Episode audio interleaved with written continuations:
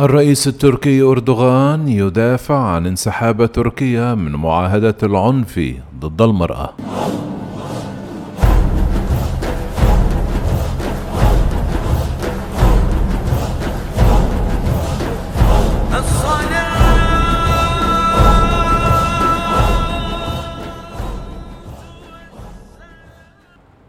دافع الرئيس التركي رجب طيب أردوغان عن انسحاب تركيا يوم الخميس من معاهدة دولية لمنع العنف ضد المرأة في خطوة أثارت إدانة كثير من الأتراك والحلفاء الغربيين.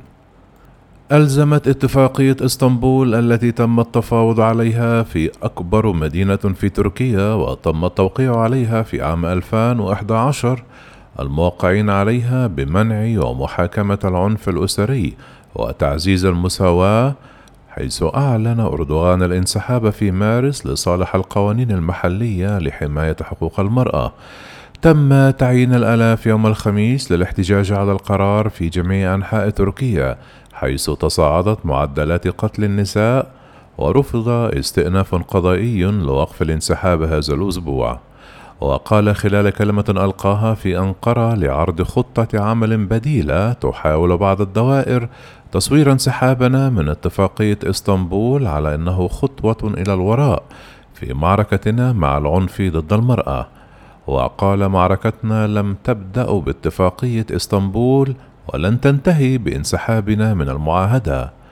أثار انسحاب أنقرة إدانة من جانب الولايات المتحدة والاتحاد الأوروبي ويقول منتقدون أنه يجعل تركيا أكثر ابتعادا عن التكتل الذي تقدمت بطلب للانضمام إليه في عام 1987 كما انسحبت ثلاثة أحزاب معارضة من لجنة برلمانية يوم الخميس احتجاجا على القرار وقالت كنان جولو رئيسة اتحاد الجمعيات النسائية التركية يوم الأربعاء سنواصل كفاحنا تركيا تطلق النار على نفسها بهذا القرار.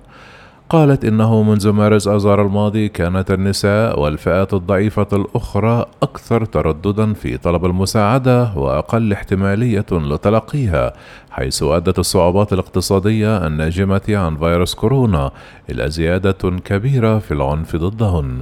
وسجلت إحدى مجموعات المراقبة ما يقرب من حالة قتل أنثى واحدة يوميا في تركيا منذ ارتفاع حاد قبل خمس سنوات.